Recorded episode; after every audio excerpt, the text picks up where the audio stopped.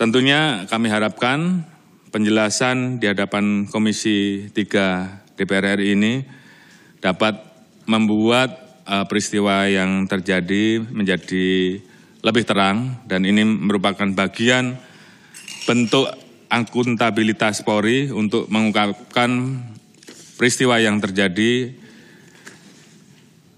menjadi semakin terang apa adanya dan tidak kami tutup-tutupi. Mungkin ini yang bisa kami sampaikan di dalam materi rapat kerja kali ini.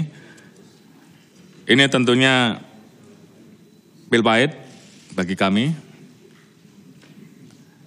Namun demikian kami terus berkomitmen bahwa apa yang terjadi ini tentunya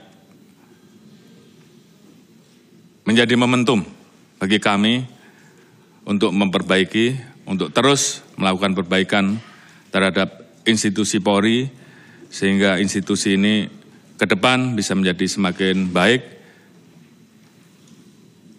bisa memberikan pelayanan yang lebih baik terhadap masyarakat sehingga Polri yang saat ini memang terdampak terkait dengan peristiwa ini bisa bisa segera kembali pulih dan ini pertaruhan kami untuk menjaga marwah dan institusi Polri.